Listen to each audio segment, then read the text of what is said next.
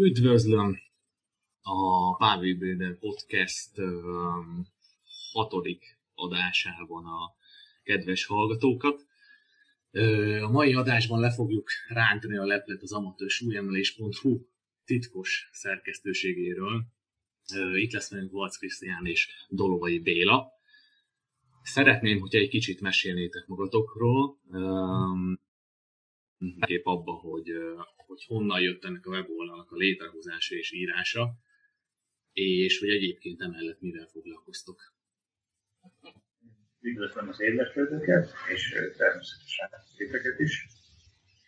Én magam a 2000-es években vettem arra figyelmes, hogy vannak bizonyos hangadók, viszonylag nem létrejött weboldalakon, és egyszerűen, amit hallottam, ez főleg ugye testépítési érdeklődésű, érdekeltségű, ez nem tetszett. Ez a fajta megközelítés, hogy hardcore legyünk, mert különben nem fejlődünk. Ugye ennek az összes hozadékával, a vetkőző sorozatokkal, az erőltetett ismétlésekkel, esetenként a feltúlbozott üvöltésekkel, és az állandó proteinbevitellel, tehát ez az 5-ször, 6-szor, 8-szor, illetve a heti bontásban történő test, testét gyakorisággal. Azt, hogy egy izmot hetente egyszer edzünk, mert különben ha ritkábban edzünk, edzünk intenzíven, akkor de ha ilyen gyakorisággal edzünk intenzíven, akkor éppen, hogy tud regenerálódni. Ez a témakör, nehezen fogalmaztam most ezt így meg, így összességében nem volt számomra emészhető, mert korábban teljesen más módszerek vizsgálódott a viszintünkkel. És gondoltam, hogy ha ezekre az emberekre hallgatnak, akkor nyilván ilyen mikrokozmosz szinten egy picit nekem is hangom lesz ebben, és esetleg hatással lehet pár emberre. És egy kicsit jobban sikerült a kísérlet, mint eredetileg gondoltam. Kinek az ötlete volt egyébként az első gondolatból a, a weboldal létrehozása? Az enyém, és Krisztián később csatlakozott ez 2013-ban. Olvasó volt, illetve igényt tartott a súlyemelő gyakorlatnak a betanítására. És aztán ajánlottam neki, a weboldal az nem olyan régen indult Facebook jelleggel, hogy ő is legyen egyfajta szerkesztő ott. És gyakorlatilag ő irányítja az egész témakört, tehát én inkább csak dolgozott csendben. Nincs kapacitás egy-egy cikk rettentő sok ideg energiát felemészt, és mellett a munkám én is személyedző vagyok, mint sokan mások, illetve egyfajta kvartás súlyemelő mert én erről nem, tehát magáról a súlyemelésről nem szereztem papírokat, és nem sokan egyébként. Ez egy. És versenyeztél is, Béla? Igen, igen, tavaly hagytam abba éppen egy éve, mert ezek a soha ki nem kezelt sérülések olyan szinten áthalmasodtak rajtam, hogy lehetetlenül a főzni. De ismét edzésben, és hát a versenyzés az élő titka, de 40 fölött annyira nagyon sokat nem lehet várni az én esetemben. És az, hogy edzőként dolgozol, az azt jelenti, hogy súlyemelő edzőként egy, egy egyesületnél dolgozol, igen, vagy... felkértek, igen, felkértek mint segédedzőt, illetve mindig is voltak magánembereim, tehát akik a weblapjó voltából jelentkeztek, és kértek arra, hogy tanítsam meg ezeket a mozdulatokat. Mai napig is vannak ilyenek, egyesületen kívül is, de az összes órát azt volt bonyolítom le az egyesület jóvállásával. Egyesületével. Köszönjük. Krisztián, egy pár szót tőled is kérnék. Hát az én történetem az még ennél jóval korábban kezdődött, később csatlakoztam az oldalba. Rólam azt kell tudni, hogy én alapvetően főállásban informatikával foglalkozom. Ezt teljesen állásba csinálom, és mellett a weboldal az csak ilyen kiegészítés, tehát én inkább csak ilyen információgyűjtő típus vagyok. Az egésznek, ugye én 110 kg voltam, hogy a Zanté sport mintapéldánya, Pálcika végtag, óriási bél, ennek köszönhetően jött egy kanyarás inzulinrezisztencia, az gyógyszerre is kezeltek. És akkor én végigmentem különböző cirkuszokon, kezdve a sárga oldal és társaival próbálkoztam módszerekkel, ugye ezek annyira azért nem voltak hatékonyak, tehát hogyha naponta 6 lesz, az nem biztos, hogy lesz az inzulinrezisztenciának. Aztán később ugye rátaláltam ugye Rintóra és az ő okosságainak, akkor próbálkoztam ilyen erőemelő módszerekkel is, és így helyjel közel működött, csak majd technikailag, meg anatómiailag annyira gyengén voltam képzett, hogy szépen tönkretettem magam. És utána találtam ki, hogy hát ugye ezzel se sikerül lefogyni, pedig nagyon le kéne, akkor nézzük crossfit. Tehát ugye alkalmam nem volt terembe járni crossfit terembe. Így kitaláltam, hogy ezt majd autodidakta módon elsajátítom aztán rátalálkoztam azzal, hogy hát ez mindig kéne súlyjelő gyakorlatokat. És hát így találtam rá ugye az oldalra, amikor akkoriban a Béla oldala az még egy ilyen ingyenes portálon futott, elég kezdetleges dizájnnal és megoldással. Ugye fölvettem vele a kapcsolatot, elkezdtem tanulgatni a dolgot, és akkor egyszer csak így azon beszélgettünk, hogy hát meg lehetne ezt jobban is csinálni, a saját birtokolnánk ugye a domént, és teljesen saját útfőből dolgoznánk. És ugye így indult az egész, hogy az ő régi oldalt átalakítottuk a saját domainre, és onnantól kezdtük el ugye fölfuttatni. Akkor átvettem hogy az adminisztrálást a Facebook oldalnak is, és úgy kezdtük el fölfuttatni. De ez teljes mértékben non-profit hirdetések nélkül, tehát mi nem fizettünk még egyelőre már Zuckerbergnek egy forintot se. Igen, igen, még 300 év. 300 évet igen, bocsánat, hogy közben szólok. közszolgálati jellege van leginkább. Ez a segítség másokon, hogy hozzájussanak az információhoz, mert nagyon-nagyon súlyos dolgok vannak abban a tekintetben szerintem, hogy még mindig a többség ugye ezekben a egykori testépítő mítoszokban hisz. És hogy? Igen. És hogy látjátok, van előrelépés ezen a szinten? Mert én azt gondolom, hogy mindig is, amikor titeket olvastalak, egy ilyen rokonságot éreztem a, a két oldal között, és amit képviselünk. Um, és szerintem így válvetve harcolunk ezek ellen a, a mítoszok ellen, és azért, hogy kicsit minőségi információt kapjanak a, a hallgatók, olvasók, legalábbis merem ezt hinni. És hogy látjátok, tehát, hogy van ebbe előre lépés, vagy azért még mindig nagyon, nagy a, nagyon gáz a helyzet? Van nagyon határozott előrelépés. Én, nekem nagyon kellemes meglepetés volt, hogy mások is akadnak, és pontosan személyetekre célzok. Ti akkor már egy nagyobb számú célközönséget mozgattatok meg, és mivel az egész, nem mondom mozgalomnak, hanem inkább visszatérés a részszerű edzéstervezéshez, ez terjed, tehát most már ugye Youtube-on is, én azt mondanám, hogy nem szoruljon vissza a, ez a fajta 2000-es évek hardcore mozgalma, de van mellé más információs lehetőség is, és ezért megosztja a figyelmet mindenképp a ti munkásságotok is, illetve kisebb méretekben a miénk is. Illetve való igaz, hogy Makatos Pétert is olvasom időnként, ők talán kifejezetten nem is akarnak szélesebb körbe úttörő munkát végezni, olyan tekintetben, hogy információs, ez az információs tulajdonképpen megvilágítás tömegméretekben ez nem jellemző annyira rá. YouTube nézettséget nem biztos, hogy akarna szerezni, de lehet, hogy csak abszolút nem vagyok ismerős munkásságát illetően megkérdezzük majd jövő héten őt is erről, mert nem árulok el nagy titkot vele, hogy a következő vendégeink között Igen.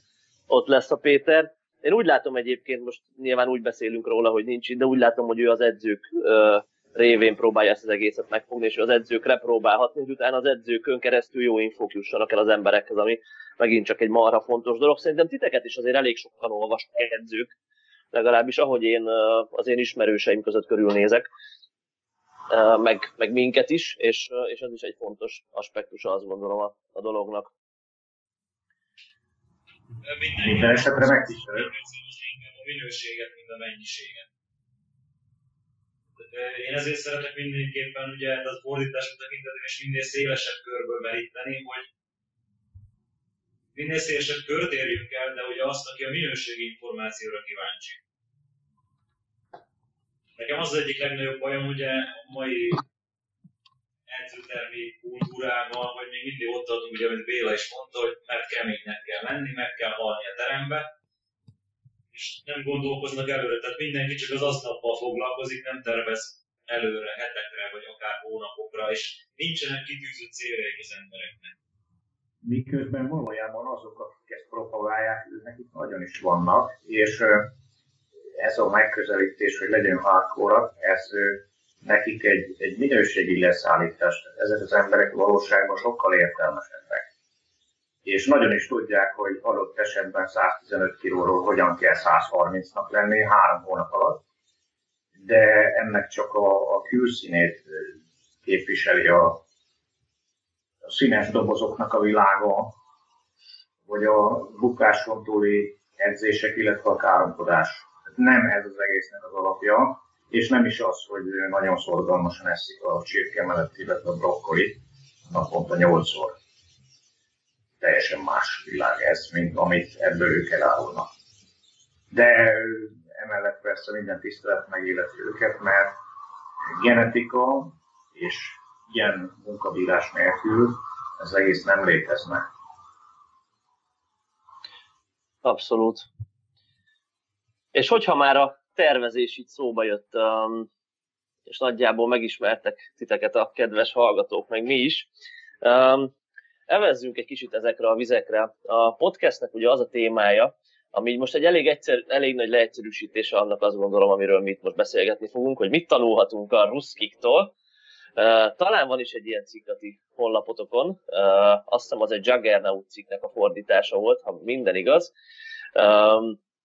De mindenképpen lejött az nekünk, ahogy olvasgattuk a, a cikkeiteket. Um, Bélának van a koncepció a gyakorlatban, jól mondom, volt egy ilyen cikke? Igen, ami tulajdonképpen egy kicsit már elavult, de akkor ez jó megközelítésnek tűnt. Igen, igen, tehát uh, látszik, hogy, uh, hogy a hosszú távú tervezésre, közben egy macskát kaptam, hosszú távú tervezésre nagy hangsúlyt fektettek.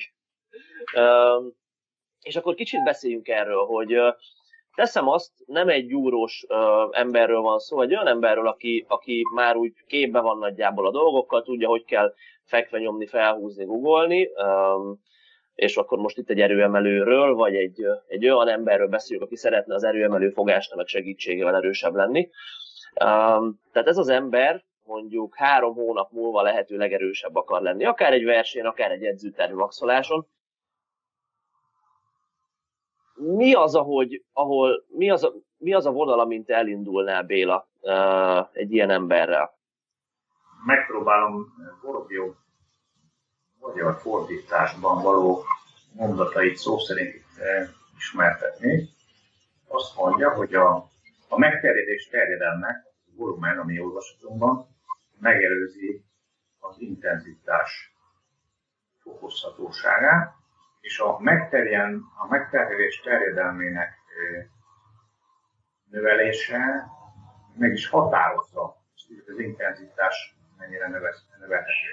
Tehát, hogyha van egy, egy nagyobb volumen, mint alapesetben valaki például dolgozik szokásos 3-8-as szériákon, vagy akár 5-szörös akkor ahhoz, hogy ő előrelépést érjen el a maximális erőt tekintetében, kell egy, egy terjedelem növelés és a terjedelem növelése után, ha ismét visszaveszi a volumen, és növeli az intenzitást, akkor a volumen előbbi terjedelmének a, illetve bocsánat, a volumennek a transformációja történik. Van egy, egy nagyobb mennyiségű munka, mint a megszokott, és utána megint az intenzitás irányából közelítjük meg az egészet, akkor a, ez az előzetes terjedelem, ez, ez meg is határozza, hogy mennyire lehet növelni az intenzitást. Van egy például egy nagyon körülményponttal fogalmaztam, bocsánat, van egy ötszörökös alapszéria, és azt akarjuk, hogy a maximális erő növekedjen. Most mondjuk egy 5x5-höz képest egy 5x5-ös 150-es googoláshoz tudunk mi mondjuk 190-et. És azt akarjuk, hogy ebből legyen 200, akkor ezen az 5 növelni kell, lehet adott esetben 5 vagy 6 vagy más hasonlóan intenzív gyakorlatnak a hozzáfordítása, és aztán amikor ez a volumen szakasz véget ér, persze a volumenben használt súlyokat is meg kell növelni, akkor el kell kezdeni a formába hozást, és a végén, amikor ismét eljutunk a erőfelméréshez, akkor nagyobb súlyjal képesek ezt abszolválni. De pontosan azért, mert egy nagyobb terjedelemmel le lett végezve a megelőző edzés munka. Tehát mondjuk volt egy 5 150-nel, és mi azt gondoljuk, hogy végezzünk inkább 6 5 Ugye akkor átmenetileg nyilván le kell csökkenteni a súlyt valamennyire, mondjuk 135 kilóra, de amikor ismét az ember ezzel a 6 5 eléri ezt a 150-et, akkor már egy nagyobb intenzitási előretörésre számíthat a formámozás során.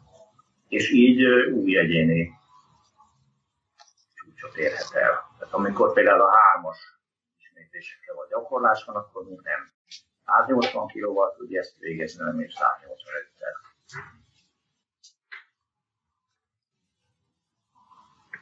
Tehát mindenképp a terjedelem ez az az aspektus, ami, ami lényeges.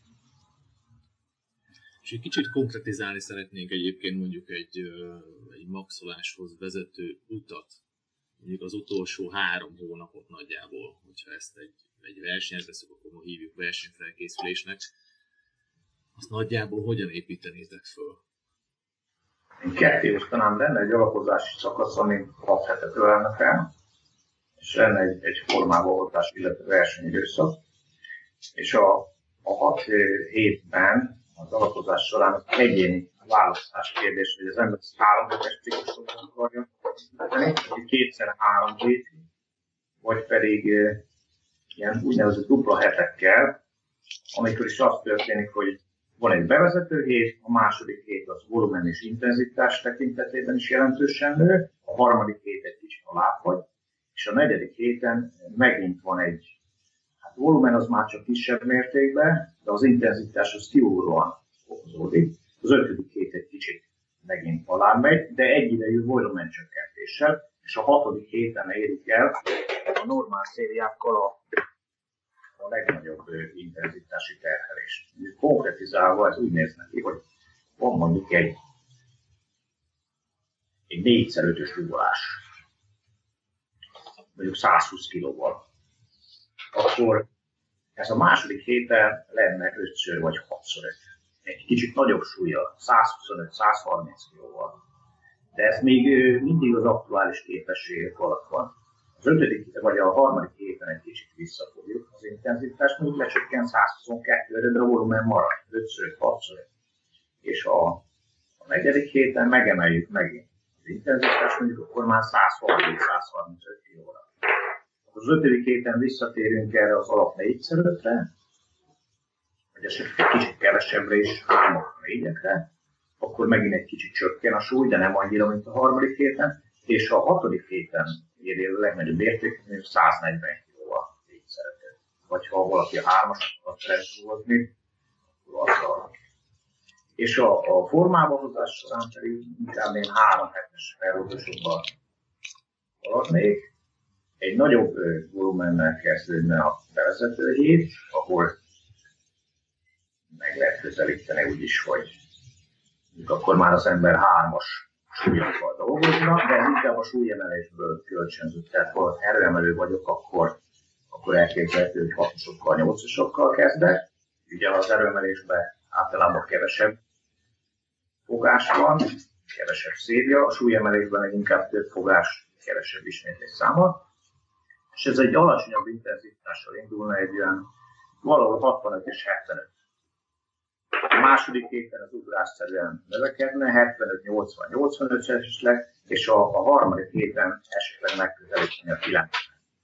És akkor nyilván már egy sokkal kisebb volumennel, és ugyanez megismétlődne egy második, harmadik hét során, amikor ismét egy, egy alap 3-as, vagy az emelő inkább egy 6-os szélén történne, akkor fokozzuk az intenzitást a 89% közé, és az utolsó ilyen pénteki nap után, tehát feltételezünk mondjuk egy minimum két pénteki napot, a, a 12. hét az maga a felmérés. És akkor éri el az intenzitás a 100, illetve a 105-107 százalékot.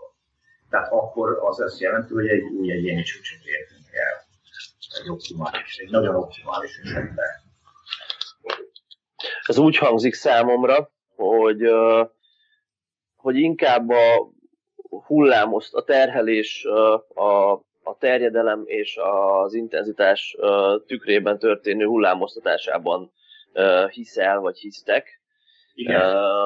És hogyha mondjuk ezt az 5 hetes felépítést, amit alapozás közben felvázoltál, 6 hetes, bocsánat, amit alapozás közben felvázoltál, amiben úgy nézett ki, hogy voltak nehéz és könnyű hetek, most csak így nagyon egyszerűen lefordítva, és ezek váltakoztatták egymást, és volumen intenzitás hullámzott közben, akkor hogyha ezt szembeállítjuk egy olyan programmal, amikor 6 héten keresztül alacsonyabb volumenről indítunk, mondjuk csak hogy én is számokat mondjak, indítunk egy um, 3x5-ről ugolásban, és egy 120 kilóról, ami még a, a, a képességeken bőven alul van, és hogyha ezt növeljük 3x5 120-ról a hatodik hétre um, 6x5 135-re, ami még mindig, ki, ami még mindig a, a maximális uh, teljesíthetőségen belül van, és, és így próbáljuk az edzés volument felhalmozni, és így próbálunk adaptációkat elérni, tehát inkább egy lineáris terhelés növeléssel, ami után természetesen felhalmozódik egy kis fáradtság, és jön egy terhelés elvétel, óhatatlanul, akkor a kettő közötti különbség szerinted jelentőse a tapasztalataid szerint, és, és, és mit gondolsz a kétféle módszernek a szembeállításáról? Azt gondolom, hogy a, a súlyemelésben mindenképp szüksége van egy, egy alacsonyabb számra, mert ugye ha folyamat, a volument folyamatosan növeljük, akkor túl sokszor kell a gyakorlatokat ismételni, mert óhatatlan egy kisebb intenzitás, vagy egy, egy igen, kisebb intenzitást tesz lehetővé, tehát nagyon eltávolodna az ember a maximális súlyoktól. Ugye azt tekintetbe kell venni, hogy egy lökés gyakorlat, az egy rendkívül nagy kiterjedési mozgás, egészen körülbelül a bokák vonalától karnyújtásba. Ami azt jelenti, hogy a, a használható súly az mondjuk egy 80%-os terhelés esetén sokkal kisebb. Van egy, egy rosszul mondom, én az a baj, hogy kicsit belezavarodok ebbe a sok információba, de megpróbálom. Tehát, hogyha van egy adott intenzitás százalék, mint volt a századlök, a 80%-ból sokkal kevesebb ismétlésre képes. Tehát valaki ugye százat ki tud lökni, a 80%-ból csak hármakat, amikor jó napja van. Ugyanakkor egy guggolásban, ami egy kisebb kiterjedési mozgás, és nincsenek benne irányváltoztatások, fékezés, gyorsítás, stb., ott a 80%-on vígan végezhetünk akár ötös szériákat is. Tehát ez a megközelítés, amikor is a, a kisebb volument egy, egy nagyobb változtatjuk, ez teljesen egy, egy, egy jogos megközelítés, és nem mondanám, hogy ez, ez kevésbé lenne hatásos. Uh-huh. De Azt a súlyemelés, egy... igen, súlyemelésben muszáj, hogy legalább ugye az 5.-6. héten lecsökkentsük a, a darabszámot, mert nagyon eltávolodunk addigra már. Aha azt mondott tehát, és nekem ez egy tök érdekes megközelítés a dolgoknak, én még ebben nem gondoltam bele, azt mondott, hogy azért van szükség a súlyemelésben inkább a terhelésnek a nagyobb amplitúdójú hullámoztatására, mert ott nem érdemes eltávolodni annyira a 80-90 százaléktól, míg egy erőemelő fogásrendben, ami kevésbé technikaintenzív, ott megtehetjük azt a technika kvázi elvesztése nélkül, hogy 70-75%-on dolgozunk 6 héten keresztül mondjuk. Nagyjából erre gondoltál? Igen, igen, igen, igen, tulajdonképpen igen, a súlyemelésben, hogyha nem is, nem is érünk el a 90%-ot, de azért a egy 6 hetes felkészülés során az a 80-at át kell lépni. Az erőemelésben az egyismétléses maximum ugyan csökken, az állandó 70-75%-kal valószínűleg, attól függ, hogy kinek, de az rendkívül gyorsan visszajön. Tehát ezt nyugodtan ezt a terhelést így föl lehet építeni egy állandó volumenépítéssel, és esetleg kisebb mértékben az intenzitás is lehet közbe mert, mint mondtad, ez bőven a képességeken belül van. Tök érdekes, hogy, hogy amikor én Sejkótól olvasgatok, vagy így a, a keleti iskola erőemelő edzőitől, akkor mindig ezzel a terhelés hullámoztatással találkozom, és, és jó, hogy ez feljött. Viszont akkor könnyen lehet, hogy ott az erőemelők is azért programoznak így és nem lineárisan, vagy inkább lineárisan, vagy jobban lineárisan, mert a súlyemelésből ott ezek a módszerek ragadtak át kulturálisan, hiszen ugye Sejkó is súlyemelő edző is volt, és aztán lett erőemelő edző, és mindenki, aki ott erőemelő, az súlyemelő gyökerekkel is rendelkezik. Mit gondoltok erről? Lehet ez így? Ez már nyilván most csak... Ez minden bizonyal így van. Bár... Igen? Igen? De azt mondod, hogy a nyugati iskolánál ugye van ez a 6 hétig halmozunk, akkor van egy túlnyúlás, vagy egy túlterhelés, utána egy terhelés elvétel. Ugye itt gyakorlatilag a hullámztatásra azt érde, hogy nem kell pihenőhetet tartanod, és ezáltal ugye nem is, nem is csinálsz akkor a túlterhelést. Tehát nincs ez a túlnyúlás a terhelésben, hanem ez szépen elhozva a terhelés, és a hullámzás miatt ugye be van építve, hogy nem halmozódjon fel a fáradtság. És ez nem a három hónapos ciklusban fogja kiadni igazán az eredményét, hanem majd egy év, négy év, stb. De sokkal nagyobb távlatokban. Ugye megnézed, hogy ez az egyik kulcsa az egyik cikknek is, amit írtunk, hogy, tehát, hogy az orosz súlyemelőket is, hogyha megnézed a régi időkben, óriási, hosszú karrierjeik voltak. Tehát 20 éveket sportoltak a világ élvonalában, vagy Taranyenkosi 36-8 évesen még EB ezüstérmet szerzett egy szuper nehéz úgy, hogy 1976-ban, nem 70-ban, 72-ben kezdett versenyezni bocsánat, javítok, 40 évesen lett még aranyérmes, és akkor már az érvonalba ő 77-ben került az érvonalba, 72-ben kezdett edzeni, és, és 96-ban fejezte be. Szóval ez, hogy nincsenek ezek a túlnyúlások, hanem szépen elmozdott rávelésre, és sokkal kevésbé teszed tönkre idézélve a szervezetet. Mert mindig eltolod tehát lehet, hogy a fejlődésed nem tökéletes annyira intenzív adott időszakaszban, nem annyira meredeken ível fel, de sokkal tovább tudod végezni. Tehát lehet, hogy később fogod elérni, mondok valami 220 kilós volást, később fogod elérni, de messzebbre fogsz menni, és kevésbé fogja szétszedni az izületédet. amelyre egyébként maga a súlyemelő sportág maximálisan alkalmas az erőemeléshez viszonyítva, és ugye itt mondanám azt el, hogy ugye nyilván nem ismeretlen, hogy még 60 valahány éves korban is vannak olyan bajnokok, akik képesek a korábbi formát tartani, például Fábri János megemlíteném, akkor 60 valahány éves, és a 20 évvel korábbi, akkor is azt hiszem 40-es éveiben járt, ugye talán értelemszerűen, ugyanezt tudja mutatni manapság is, és ugye ez, ez főként abból származik, hogy az erőemelés elsősorban nem egy gyors erős sportág, és a súlyemelésben jellemző irányváltoztatás, fékezés, ez, ami tulajdonképpen adott súlynál elnyeri a szervezet esetleg idejekor. És az ez az előnye megvan, amellett, hogy sajnos a gyors erő az, az előbb is elmegy, mint a maximális erő amikor gyorsasággal keveredik az erő, akkor az rövidebb pályafutás során őrizhető csak meg, és pont ezért egyébként tekintetbe kell venni azt is, hogy a tervezésnél is van egy nagy szerepe ennek, hogy a gyors erő megközelítés sajnos igényli a, nem sajnos, igényli az alacsonyabb számokat is. Inkább az lenne, hogy egyszerre az ember korlátozott darabszámot abszolvál csak pont azért, hogy ezt a sebességet föl lehessen tartani megfelelő ellenállással.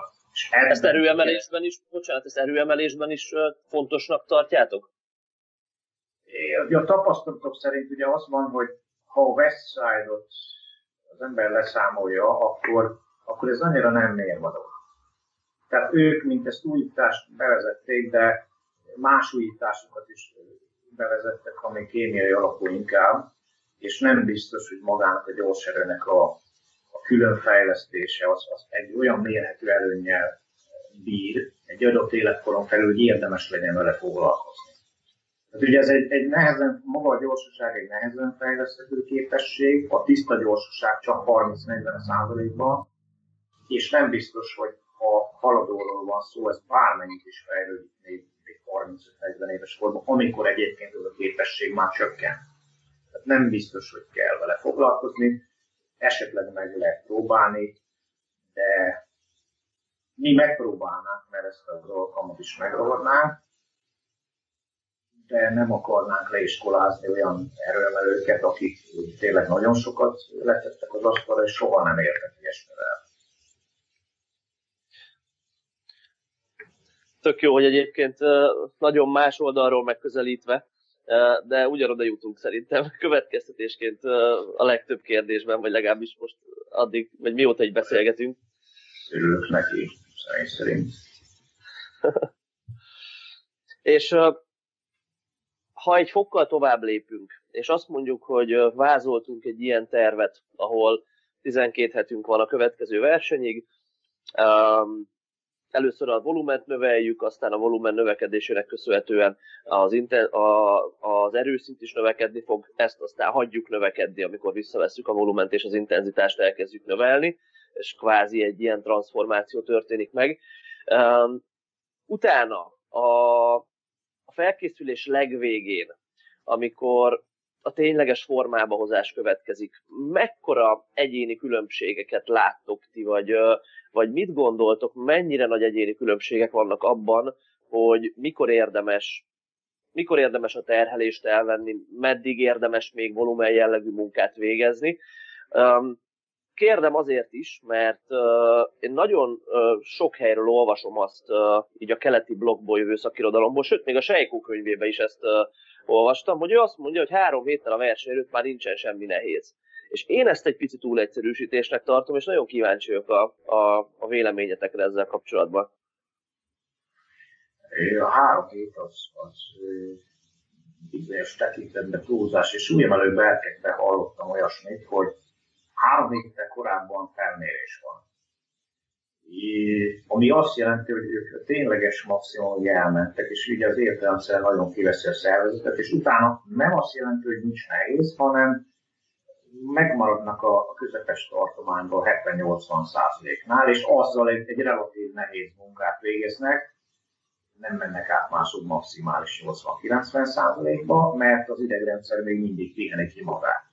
Aztán vannak olyanok, akik azt mondják, hogy hát főleg amikor érettek és sportol, akkor két héttel előtte. Általában versenyeket szombat-vasárnap rendezik, hogy kisebb kaliberű versenyről van szó, ezért két héttel korábban, 14 16 nappal korábban pénteken csinálnak olyan szakedzést, ahol fölmennek nagyobb súlyig, ha nem is egy tényleges maximumig.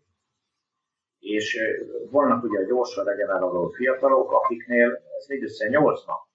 Most az erőmelés majdnem csinál egy felmérést, 8 nap azért már kevés, egy 95%-ig fölmegy, vagy úgy is lehetne mondani, hogy a kezdős szakításból ökésbe, én a, az erőmelésben sok mindenfélét olvastam, de főleg a korábbi években.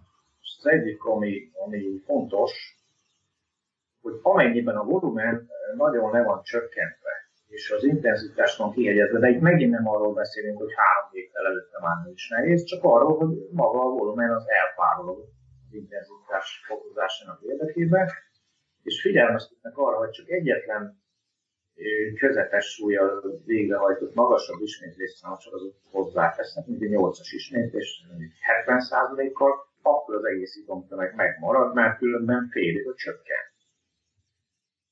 Én azt mondanám, hogy előtte kell azért még mindig nehéz edzés egy héttel is. Tehát egy olyan 7-8 nappal, szombaton rendeznek egy országos bajnokságot, illetve vasárnap, akkor a megelőző hét péntekén kell egy nehéz edzés, de csak a nagyon, fiatal, a nagyon fiatalok esetében lehet azt csinálni, hogy ez az edzés ez tényleg közel áll a felméréshez. Ugye ahogy idősödik az ember, az aztán 10-12 napra, 14-15 napra nyúlik, aztán esetleg 3 hétre. Kíváncsi vagyok, mit gondoltak arra egyébként. Bocsánat. Bocsánat, így is van egy kis állam. képessége. Hát, ha valaki egyszerűen igényli még utolsó héten is akár a 90%-os terhelés, hogy felspannolt állapotban maradjon. Valaki pedig egyszerűen, hogyha még egy héttel előtt az neki egy 89%-os terhelést, akkor egyszerűen összeomlik, mert kimerül az idegrendszere. Tehát sok mindentől függ, ugye, tehát egy élsportolónál, aki edzőtáborban él, ott ugye lehet kizárni a többi stressz. De ugye másoknál például, aki akár főállásban teljesen más csinál, családi élet, stb. Tehát ott a stresszt annyira nem tud kizárni, és a stressz az ugye jelentősen befolyásolja a regenerációs képesség. Ugye ezt én magamon is megtapasztalom, tehát én alig tudom kiszakítani a heti 4 óra edzésemet, hogy meglegyen. És mellett ugye 40 óra munka, családi élet, ugye házkörüli teendők, stb. stb. Ezek így azért kiveszik az embert, és kényesen kell egyensúlyozni azon, hogy meddig mehet el az ember, miből képes még felépülni. És mikor jelentkeznek be ugye a térdizületek így 40 felé közelítve. Krisztián, talán a talakat, igen, a talakat azért céloztál, ugye, aki hát én is tőle tudom, hogy három nappal előtte még 200 kilót szakított, és a versenyen 220 tehát az megfelel 90%-os felhelésnek akkor figyelmeztetett valaki engem, ilyen régi súlyemelő versenyző, hogy azt nem tudjuk, hogy ő a kulisszák mögött mennyit csinál, csak azt tudjuk, hogy 220 csinált a versenyen. Tehát lehet, hogy az ő valós eredmény az jóval magasabb, mint hogy ez a 200 elérte volna a 90% et és így már nem is olyan nagy ördöngösség. Egyébként azt tapasztaljuk az embereknél, hogy ö, már viszonylag régóta figyelgetjük egészen sok embernél, hogy hogy még ha attól eltekintünk, vagy azt figyelembe veszünk nyilván, hogy kor, meg stressz, meg stb. stb. De hogyha egyébként kívülre azt mondanánk, 2, 3, 4, 5 nagyon hasonló emberrel, mind korban, mind élethelyzetben hasonló, még akkor is óriási egyéni különbségek jelentkezhetnek, amit igazából nem, vagy csak nagyon nehezen tudunk megmagyarázni, hanem tényleg csak ilyen adottsági kérdés. Igen, igen.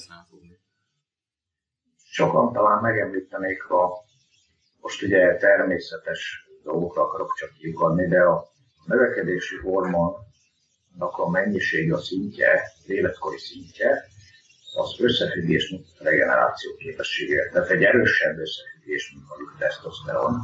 És hogyha ezt már is amennyiben tudjuk fokozni természetes úton, tehát főleg mérsékelt fizikai stresszel, mint amilyen szauna, éjség, ideg, de nyilván az éjség az nagyon fontosan, és nem mondanám, hogy esetleg 16 órás átmeneti bővülésről lenne szó, még rövidebb időkre, akkor ez esetleg segíthet a regenerációban. Tehát mindez, ha valamilyen módon meg tudjuk növekedési hormon kiválasztást növelni. Rendszeres minőségi alvás. Igen. Nem utolsó sorban. Igen. Igen. Ezt, ezt, ezt véletlenül kifelejtettem. Igen, mindig bolondnak néznek, amikor azt mondom, hogy nekem szigorúan 10 órakor felelevik a pizsamát, és 10-től alvás van, és reggel 6-kor kelek, de viszont vasárnap és szombaton is 6-kor kelek. Akkor is, hogyha a három éves lányom nem kelne föl 6-kor, én akkor is 6-kor kelnék, mert nekem erre beállt a bioritmusom, és gyakorlatilag most már ébresztő óra nélkül kelek reggel 6 óra előtt. És nekem ez muszáj, tehát ha én a fél 11 vagy 11-ig fent kell maradnom, én rendesen rosszul vagyok. És ezt észre is veszem akár később a teljesítményen is. Illetve Zsolt, ha én is kérdezhetek valamit, ezt annak idején olvastam én a, az elektronikus kiadványokban, és nem tudnám visszaidézni, hogy mi a magyarázata a terhelés elvétel regeneráció gyorsító hatásának. Tehát, hogy ez az eszköz, szándékos könnyűjelzések, amik gyorsabb regenerációt biztosítanak azzal szemben, mint az ember csak passzívan élne. Annak mi a tehát mondjuk fordítsuk úgy a kérdést, hogy biztos ugyanarról beszéljünk, hogy ha verseny előtt mondjuk három nappal valakinek már jó ötlet pihenni, akkor a pihenő ellenében, ha még csinálsz egy nagyon könnyű edzést, az jobb a regeneráció szempontjából. Aha. Én igazából emögött nem, ezt nem feltétlenül ilyen biológiai vagy fiziológiai szempontból közelíteni meg, hanem csak simán a gyakorlás szempontjából. Tehát nagyon jó ötlet szerintem az is, hogyha egy 200 kilós gugoló verseny előtt egy-két nappal csak százba googolgat egy hármakat, négyeket, ötöket, csak hogy a, a képesség megmaradjon. Valószínűleg nem fog elveszni az a képesség egyébként sem, de pszichológiailag az jót tesz az embernek, hogyha érzi, hogy na jó van, most még ezt gyakoroltam, tudom, király vagyok, és megyek a versenyre. Tehát szerintem nagyon erős ez a, ez a pszichológiai faktor ilyenkor, sokkal erősebb, mint a fiziológiai. Aztán azt gondolom, hogy még, még azt is meg lehet említeni, ugye, hogyha egy lájtos edzést csinálunk, akkor is az izmoknak a vérellátása kicsit nő, és a helyi regeneráció, hogyha még ilyenről van szó ezekben az utolsó napokban, és van rá szükség, akkor a helyi regeneráció egy kicsit magasabb szinten tud pörögni. Um, megválaszoltam a kérdést? É, tulajdonképpen igen, bár magyaráztál ott valami neolizmust, nem tudok sajnos felidézni, de lehet, maga is valamilyen szinten elfelejtettek. Mindegy súlyemelőknél ezt ilyen tonizálásnak hívják, és valahogy az, hogy élnek vele még egy nappal korábban is. 50-60 százalék nagyon könnyű, egyes, kettes is a felhevés. Nagyon kis összéri a számmal. Azzal egyetértesz, Béla... Bocsánat. Igen. Azzal egyetértesz, hogy, hogy úgy, akar, úgy akarunk versenyre menni, akár súlyemelők, akár erőemelők vagyunk, hogy tehetek és feszesek az izmaink, mert én van, akitől már hallottam olyat, és olvastam olyat is, hogy az nem baj, ha kicsit belaposott az utolsó héten, az normális, ha elveszíted a tónust, attól még jól fog menni a, jól fog menni a verseny, és nem lesz kihatással ez rád. Én úgy veszem észre egyelőre a magamon meg a tanítványainkon, hogy jó, ha a tónus megmarad, és hogyha feszesebbek maradunk, de ebbe mit, mit tapasztalsz? hát sajnos súlycsoportos sportágéken a legfelső kategóriát leszámítva van ilyen kitétel, hogy gyors fogyasztás, legalábbis egy kicsit ideálisabb, gyorsabb, és amennyiben ugye azt teszik, hogy ez ATP, tehát adenozin trifoszfát alapú erőkifejtés, tehát a glikogénnek akkora szerepe nincsen, mint mondjuk egy, egy kicsit mérsékeltebb intenzitású kicsit hosszabb idejű tevékenységnél, mondjuk egy 400 méteres futásnál, akkor lehet, hogy ez pszichológia elő. De én magam, hát hogyha lehet ilyen kisebb kaliberbe fogalmazni, nem érezném jól magam, és nem érezném úgy, hogy maximális erőkifejtés vagy képes, ha a két-három kilóval könnyen vagyok, mint amennyi lehetnék. Uh-huh. Tehát azt gondolom, hogy az elsősorban, tehát amennyire a gyakorlat mutatja világklasszis sportok esetében, ezek képesek akár még az edzés eredményeiket is olykor megjavítani, egy alacsonyabb testsúlyjal, de ez, ez nem annyira a glikogénvesztésről szól talán, hanem inkább a rehidratációról. Már a kettő az kéz a kézben működik, és ugye így fordult elő, hogy a, a mérlegelés után aztán nagyon rövid időn belül ismételtek és veszessek igen.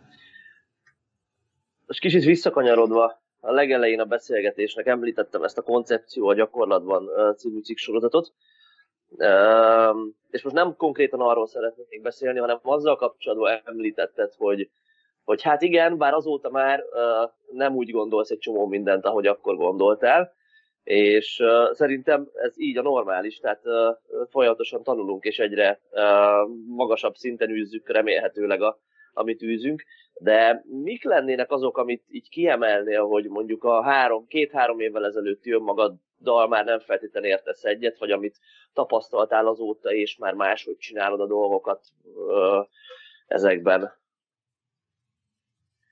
Hát elsősorban az, hogy amit ugye is szívesen hangoztatok, hogy az autoregulációnak az eszköze. Tehát, hogyha valami nem megy, akkor az nagyon kevéssé az az oka ennek, hogy az ember igazából nincs ráhangol. Valami ürügyet lehet találni egy éppen olyan nyugványelős gyakorlat, hogy meg tudom csinálni, de valójában érzem, hogy nem tesz jól, és ebből nem fogok ugye regenerálódni, hogy a következő edzés az intenzitásában még ugyanilyen legyen, vagy fokozható.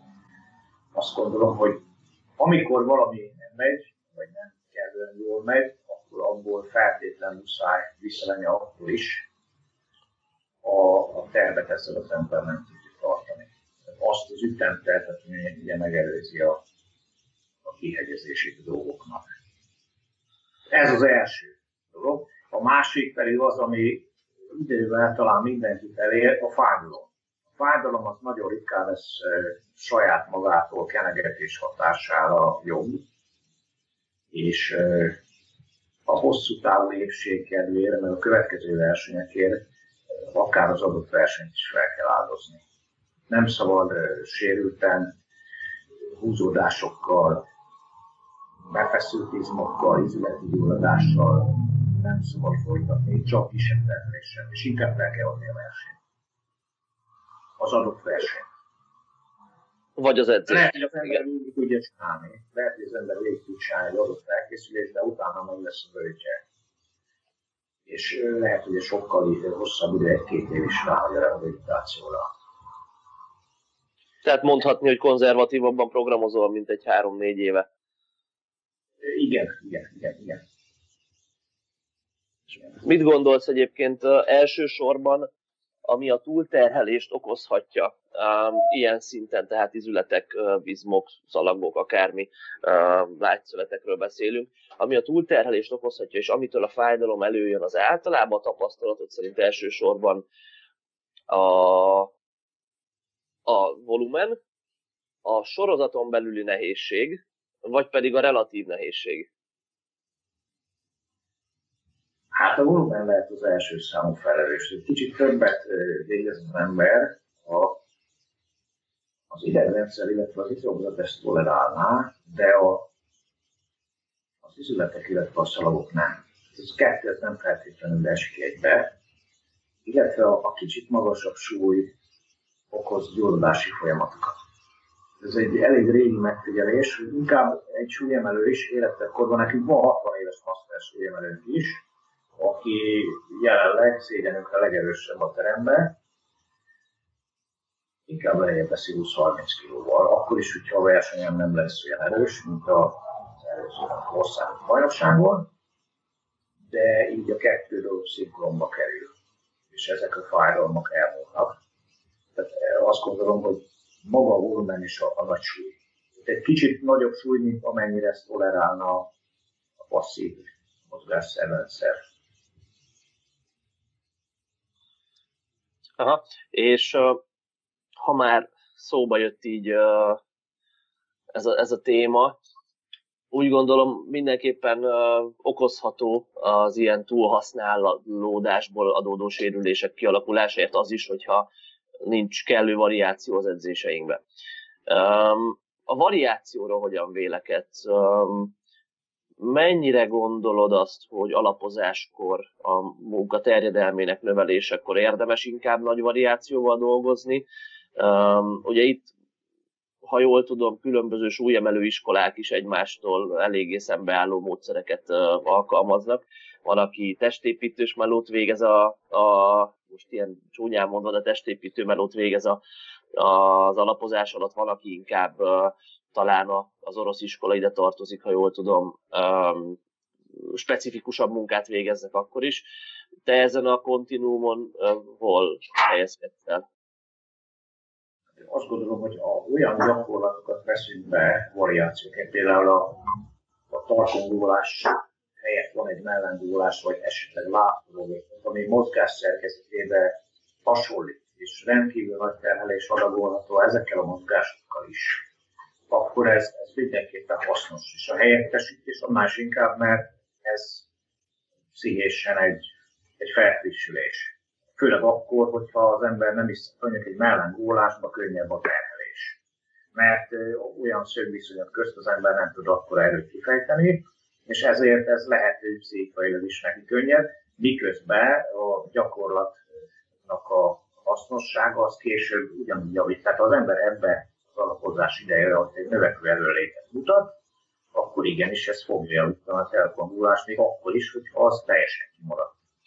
Viszont a, az a fajta izolációs munka, tehát hogyha tárogatással akarjuk helyettesíteni a nehéz nyomásokat, nem gondolom, hogy átvihető, ha csak nem akkor, hogy egy olyan fajta hipertrófia valósul meg, vagy így, vagy úgy, az ember alkalmazhat ugye olyan eszközöket is, egész pontosan kémiai hozzáállásra gondolok, hogy mindegy, hogy támogatásnak köszönheti jelentős mértékben a mellizmát, meg egykezes karnyújtásokkal a tricepszét, meg a vállövét, hogy egy nagyobb izommérettel ugyanúgy a versenygyakorlatokban visszamér persze kellő szoktatás után, akkor be tudja azt is bizonyítani, hogy már pedig az izolációs munkának az elsőbsége az nyújtva tudja menni. Sőt, jobban.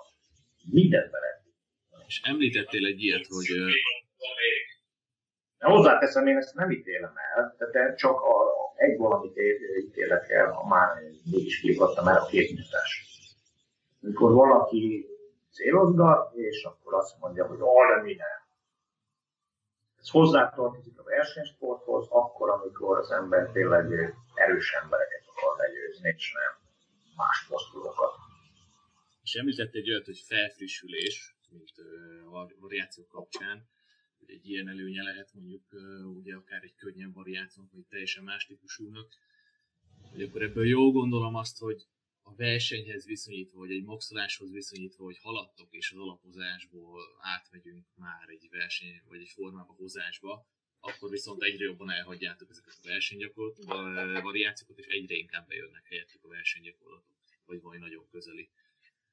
Igen, igen, ez a nagyon közeli, ez hangsúlyos, mert ténylegesen mond az ember, és kifejezetten versenyzők is lehet, olyan vers, magas szintű versenyzőket, akik akiknek muszáj helyettesíteni, mert olyan sérüléssel küzdködnek, mégiscsak vállalják a versenyt, de ha nem pontosan ugyanolyan megterhelést, nem ugyanazokra a rizmok közt mondjuk egy kicsit dominánsabb a parizmon, egy kicsit a létfécon bizony kevésbé, ilyen kisebb megoldásokkal él, akkor ugyanazt az eredményt elérheti, ha ezt pszichésen őt nem gátolja. Tehát, hogyha nem ugyanazt csinálom, akkor gyengébb leszek. Ha nincs ilyen, ilyen mellé gondolat, akkor ez akkor is hasznos lehet.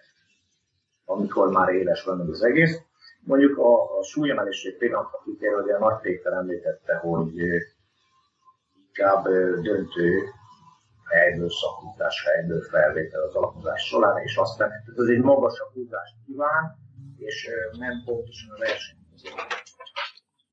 ezekkel a gyakorlatokkal ugyanúgy hogy valaki a technikát gyakorolja mellé, akkor a nagy súly, tehát a szakítás felvétel kilökésedben levő nagy súlynak a, a hiánya is ellentételezheti a versenyen. Valaki megerősödik ebből szakításban, nagyobb szériákat, nagyobb súlyat akkor a szakításból is fog javulni. Ha csak a technikáját gyakorolja, kisebb súlya, akkor is csak pszichésen általában az emberek nem így vannak összerakva, tehát ha valaki nem ért a nagy versenygyakorlatba, akkor nem feltétlenül tudja ezt létrehozni a versenyen. De mindig is azt gondolom, hogy a, a helyettesítés ez egy nagyszerű megoldás, ha el tudunk vonatkoztatni.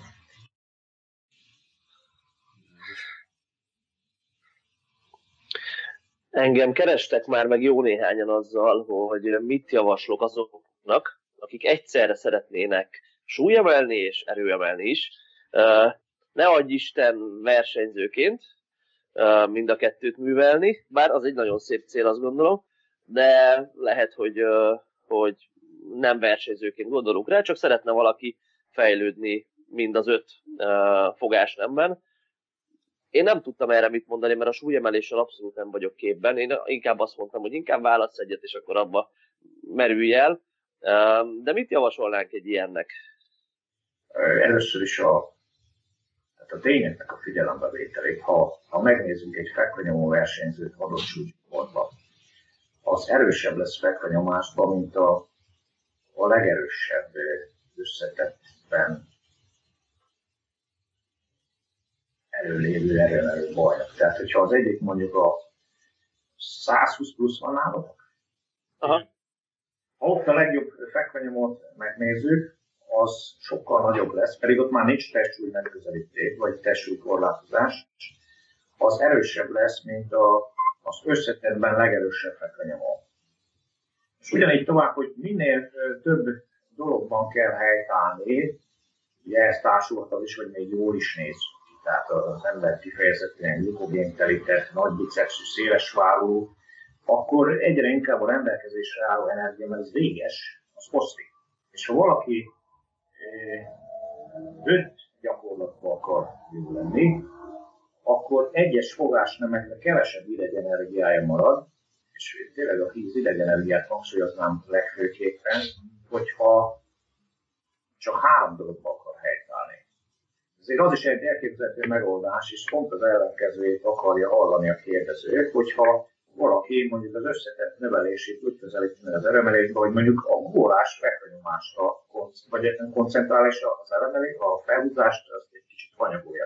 Így fordítva, inkább a fekvenyomását akarja felhúzni, és egy, kicsit stagnál a guggolás, illetve az elemelés. Hogyha ő ötbe akar helytállni, ott is létezik az a jelenség, hogy valamelyiknek prioritást kell biztosítani, mert még a két gyakorlat, a szakítás és a lökés között is zajlik alkalmazkodási versengés, és ugyanígy az erőemelésben. Lehet eredményeket elérni, így is. Az edzésbeosztás az mondjuk hogy hát egy kicsit ilyen komplikáltabb lenne, de egyenként a gyakorlatokban saját maga a lehetőségeihez képest nem lesz olyan erős. Igen. Na és ez a komplikált beosztás, ez mondjuk ho- hogy néz neki, hogyha azt ezzel a kérdéssel fordul hozzátok valaki, hogy hogy osszam be a napjaimat, hogyha én súlyemelni és erőemelni is szeretnék. Nem tudom, napok elején mindig uh, súlyemelő szakgyakorlatokat, és a végén mindig ugolni, ilyesmi. Mi, mit javasolnánk?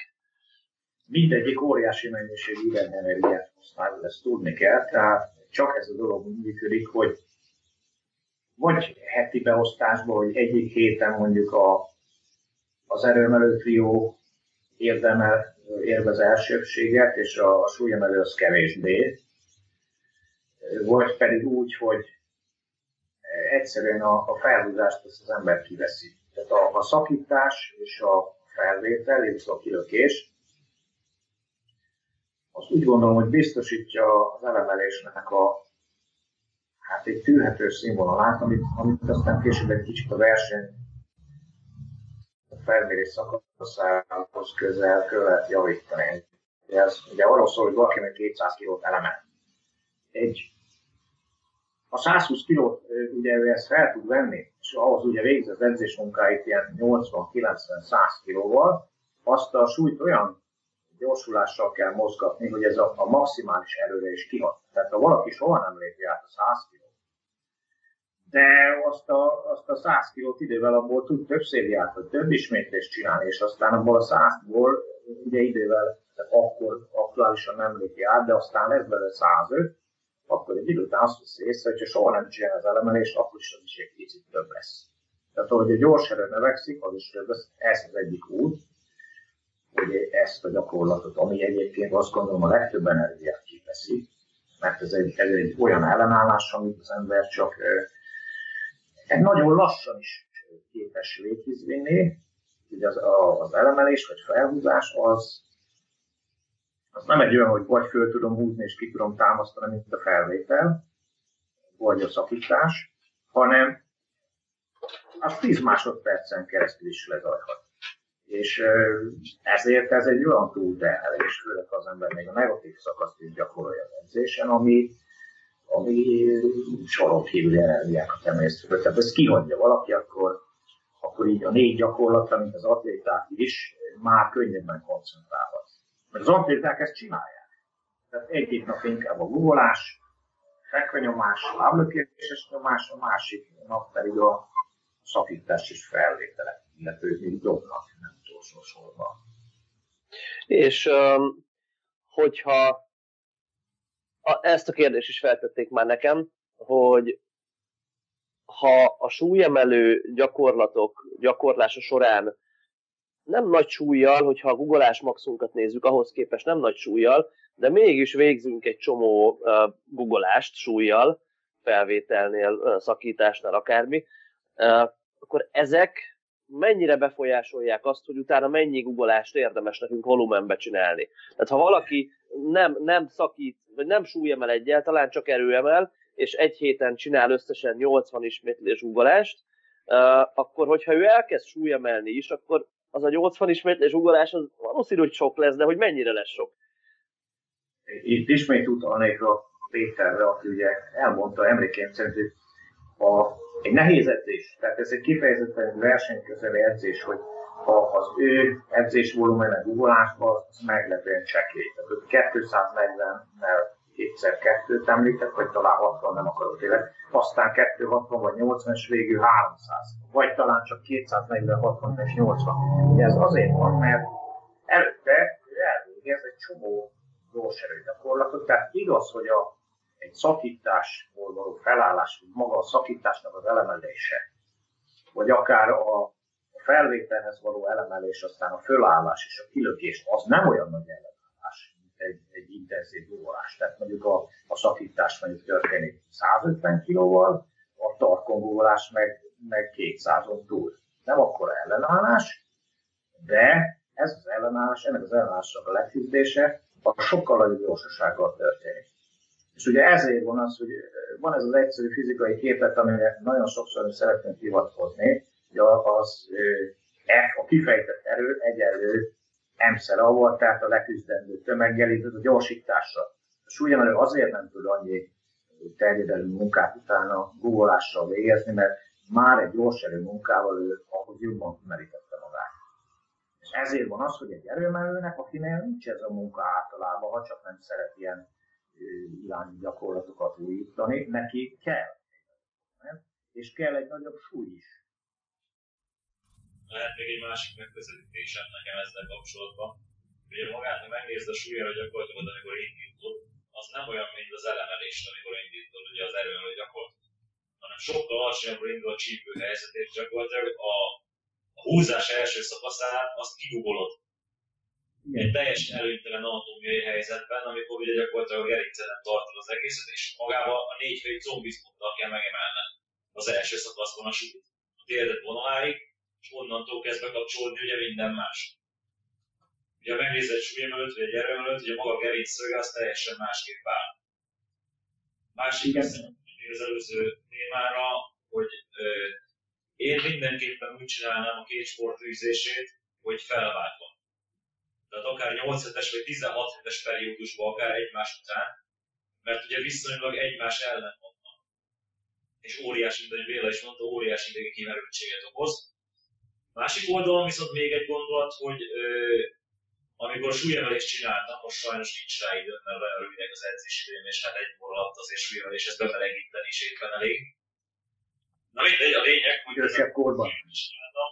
Ö, magát elemelni kétszer annyit voltam képes, mint felvételt. Tehát maga az, hogy csak a felvételt és a szakítást csináltam, biztosított egy olyan erőszintet, hogy deadliftbe felvételen több mint kétszeresét voltam képes megemelni, anélkül, hogy gyakoroltam volna. Ezt, tehát, hogyha feltétlenül együtt akarod csinálni az öt fogást, akkor az elemelés az abszolút szerintem elhagyható. Mert maga a súlyon gyakorlatilag biztosítanak annyi ellenállást, hogy a combhajlítokra, négyfejű combizomra, farizomra, hogy az meg fogja tartani. Rontani biztos nem fog az elemelésen. Annyit tennék csak hozzá, hogy természetesen, ha az ember elsősorban ebben érdekel, hogy az erőemelő fogásmenetbe felmérek, abban az időszakban, amikor ő ezt ugye élesíteni akarná, akkor visszahozná a levelést, és a, a szakítás felvétel kilökéseket technikai szinten. Tehát sokkal kisebb százalékkal, mint ami, amit és sokkal kisebb mennyiségben, tehát csak fenntartó. Igen, igen. És, tehát azt mondjuk ezeknek az embereknek, hogy inkább ciklizáljanak, és kicsit tartsák szinten az erőemelő fogásnemeket, és feküdjenek rá a súlyemelésre, és aztán fordítva hosszú távon, mint hogy, mint hogy mind a kettőt akarják egyszerre. Most még csak ilyen uh, sztoriként nem feltétlenül jelentes semmit. A megszajtának a sztoria ugrott be. Ugye, hogy ő elmondása szerint amikor a bolgár iskola, iskola vezetője, vagy a híres Abidjayevvel együtt edzett, akkor többet tudott mellengugolni, mint erőemelő felhúzást csinálni. Tehát, ha jól emlékszem, 500 fontot mondott, hogy annyit hamarabb ért el mellengugolásban, és akkor nem tudott felhúzni 500-at, hanem csak 440-et, vagy valami ilyesmi. Tehát azért a specifikusság az fontos. És uh, ahogy igen, Béla is igen, igen. a végén mondta, persze, tehát uh, ha az izmokat építjük, valószínűleg a, vagy minden bizonyal a, a, a négy na, a négy másik fogásnemnek a gyakorlásával, meg a kiegészítőkkel, azért nyilván a, a felhúzás, mint olyat is érdemes gyakorolni, pláne, hogy én nagyon sokszor vettem azt észre már súlyemelésből, vagy crossfitből jött emberek esetében, hogy hát nekik aztán az erőemelő stílusú felhúzást megtanulni, az, az sokszor nehezebb, mint ha nulláról kezdene valaki erőemelő stílusú felhúzást tanulni. Hogy mondjak egy, egy fontos adalékot ehhez, hogy sokat gondolkoztam, hogy hát korábban is, amikor ugye ezt időm engedi, én is akarok még egy-két cikket írni. Azt vettem észre a felhúzás vagy elemelés során, ugye, hogy ott nagyon számít az embernek a magassága. Egy, egy kisebb tömegember valószínűleg, ez a lábhosszúságtól is nyilván függ, de egy kisebb tömegű ember, vagy egy kisebb magasságú embernek, és kisebb lábhosszal sokkal jobban oda kell gugolni. És ugye még minél inkább nagyobb a fogásszélessége, váltó szakítás, annál inkább le kell gugolnia, és ugye ilyen szögviszonyok, tehát a hegyesekből a kiegyenesedés az, az sokkal nehezebb, és maga a törzsfeszítők nem kaphatnak akkora munkát, mint ha egy magasabb emberről beszélünk, aki aki esetenként egész kisfogással dolgozik. A magasság mindig előny, mert tompaszögből fog valószínűleg indítani. Vagy legalábbis egy nem tompaszögből, egy derékszögű helyzetből, vagy esetleg egy kicsit tompából. És hogy ő magas, tehát eleve magasabban helyezkedik el a súlyzóhoz képest, és a, az a szög, amit ő ki fog egyenesedni, tehát így képzeljétek el, hogy ugye itt van a, a test tömegközéppontja. Egy egy alacsonyabb ember az, az alkatához képest egy nagyobb szögbe fog kiegyenesedni, mint egy magasabb ember, aki eleve magasabban van. És ezért a felhúzás is egy elég tükkös dolog, hogy az erő mellett a, a felépítés az nagyon fontos ehhez. Tehát így fordulhat elő, azt gondolom az is, hogy ez a fiatal ember, akit említettél, hogy többet volt mellem, mint amennyit ugye felhozott, de nyilván a, specializációt én elismerem, és egyszer egy általam egyébként nem olyan túl sokra tart illető, bár semmi rosszat nem. Ő azt mondta, hogy az, az elemelés, az, vagy a lift, tehát a felhúzás, az azt mutatja meg inkább, hogy mennyire vagy erős. Nem annyira, a, nem annyira arról szól, hogy azt tesz erőssé, hanem megmutatja. És ebben azt gondolom, hogy Hát igen, googleással lehet fejleszteni a felhúzáson, de fordítva nem nagyon. Ezt is szokták mondani, és ezt is azért igaznak tapasztaljuk szerintem. Igen. Van talán az Eddie Hall, aki az 500 kilót ugyan gúrtni volt, de megcsinálta. Nehéz lenne azt mondani, hogy hát én csak 305 csak idézőjelben csinálok, de ennyit meg ennyit lökök, és én erősebb vagyok. Tehát ezzel nem lehet.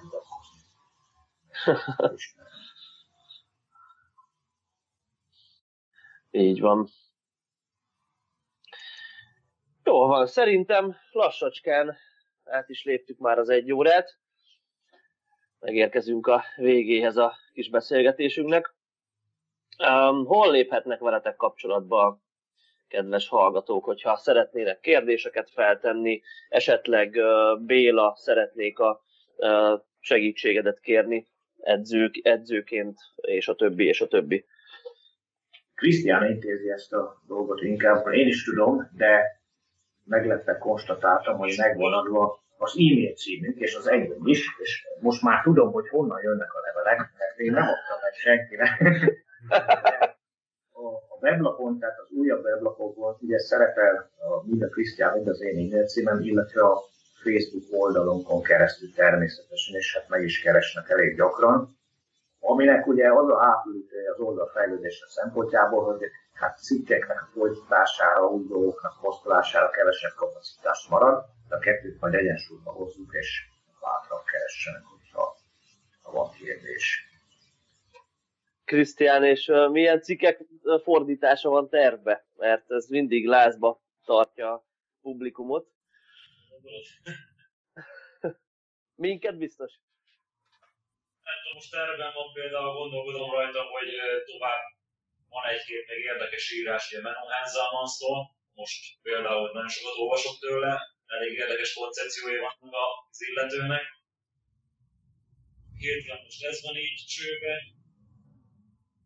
Akkor ugye volt terv róla, hogy esetleg folytatnánk a Mike Israel féle szériát, de aztán ez is most így félve maradt, mert ugye neki van egy ciklusorozata ezzel kapcsolatban hipertrófia ahol belemegy ugye a testrészenkénti részletességgel a dologgal.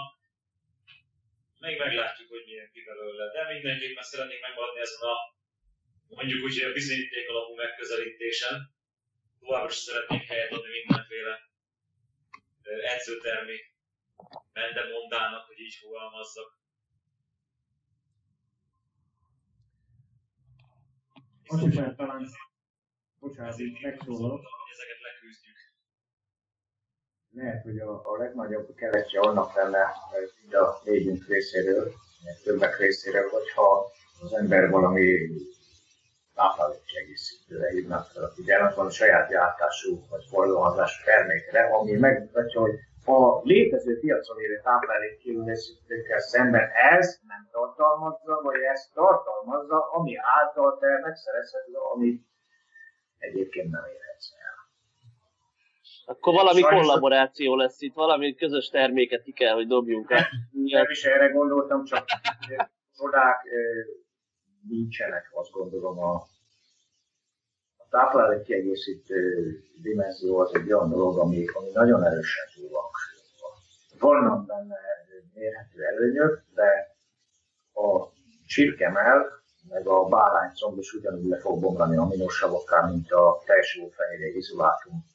És a kérdés az, hogy a történik. Igen, igen, igen, igen. Ami már lebontott, tehát úgy, úgyis lebontásról van szó, szabad aminósavak, és akkor így könnyebben nagyobb sebességgel épülhet fel a izomzatot alkotó aminósavak Akkor mindenképpen egy BCA glutamin keveréket kell majd együtt a piacra dobnunk ilyen kollaborációban. Na mindegy, erről majd beszélgetünk. Jó, nagyon köszönöm lehetőségét megtisztelő volt. És... Mi köszönjük szépen, hogy itt voltatok és válaszoltatok a kérdésekre. Köszönjük azt hiszem, szépen. Azt hiszem, hogy sokat tudunk tanulni majd ebből, mert egészen más megközelítést adhatok néhány témában. És kívánom, hogy legyen erőtök, hogy folytassátok tovább az eddigi melót, hogy a jó, jó célt azt előbb-utóbb elérjük, mi szerint ugye a, azokat a nagy mendemondákat leromboljuk. Uh, úgyhogy sok cikket várunk tőletek, és további jó munkát. Mi ezt viszont kívánjuk, és ugyanaz a népművelő munka, ez, ez tényleg örvendetes, és van mérhető hatása, mert amikor nekünk is olvasók akarnak kérdezős alapon, akkor hivatkoznak rátok. Tehát ismertek vagytok, kicsit nagyobb méretekben is mennyi visszajelzésekről származik. Bár éppen akad elég. Köszönjük szépen. Köszönjük. Na, szép, szép estét nektek, és szép a estét kívánok viszont, és mindenkinek kellemes nap. Köszönjük. Nap. Sziasztok. Sziasztok.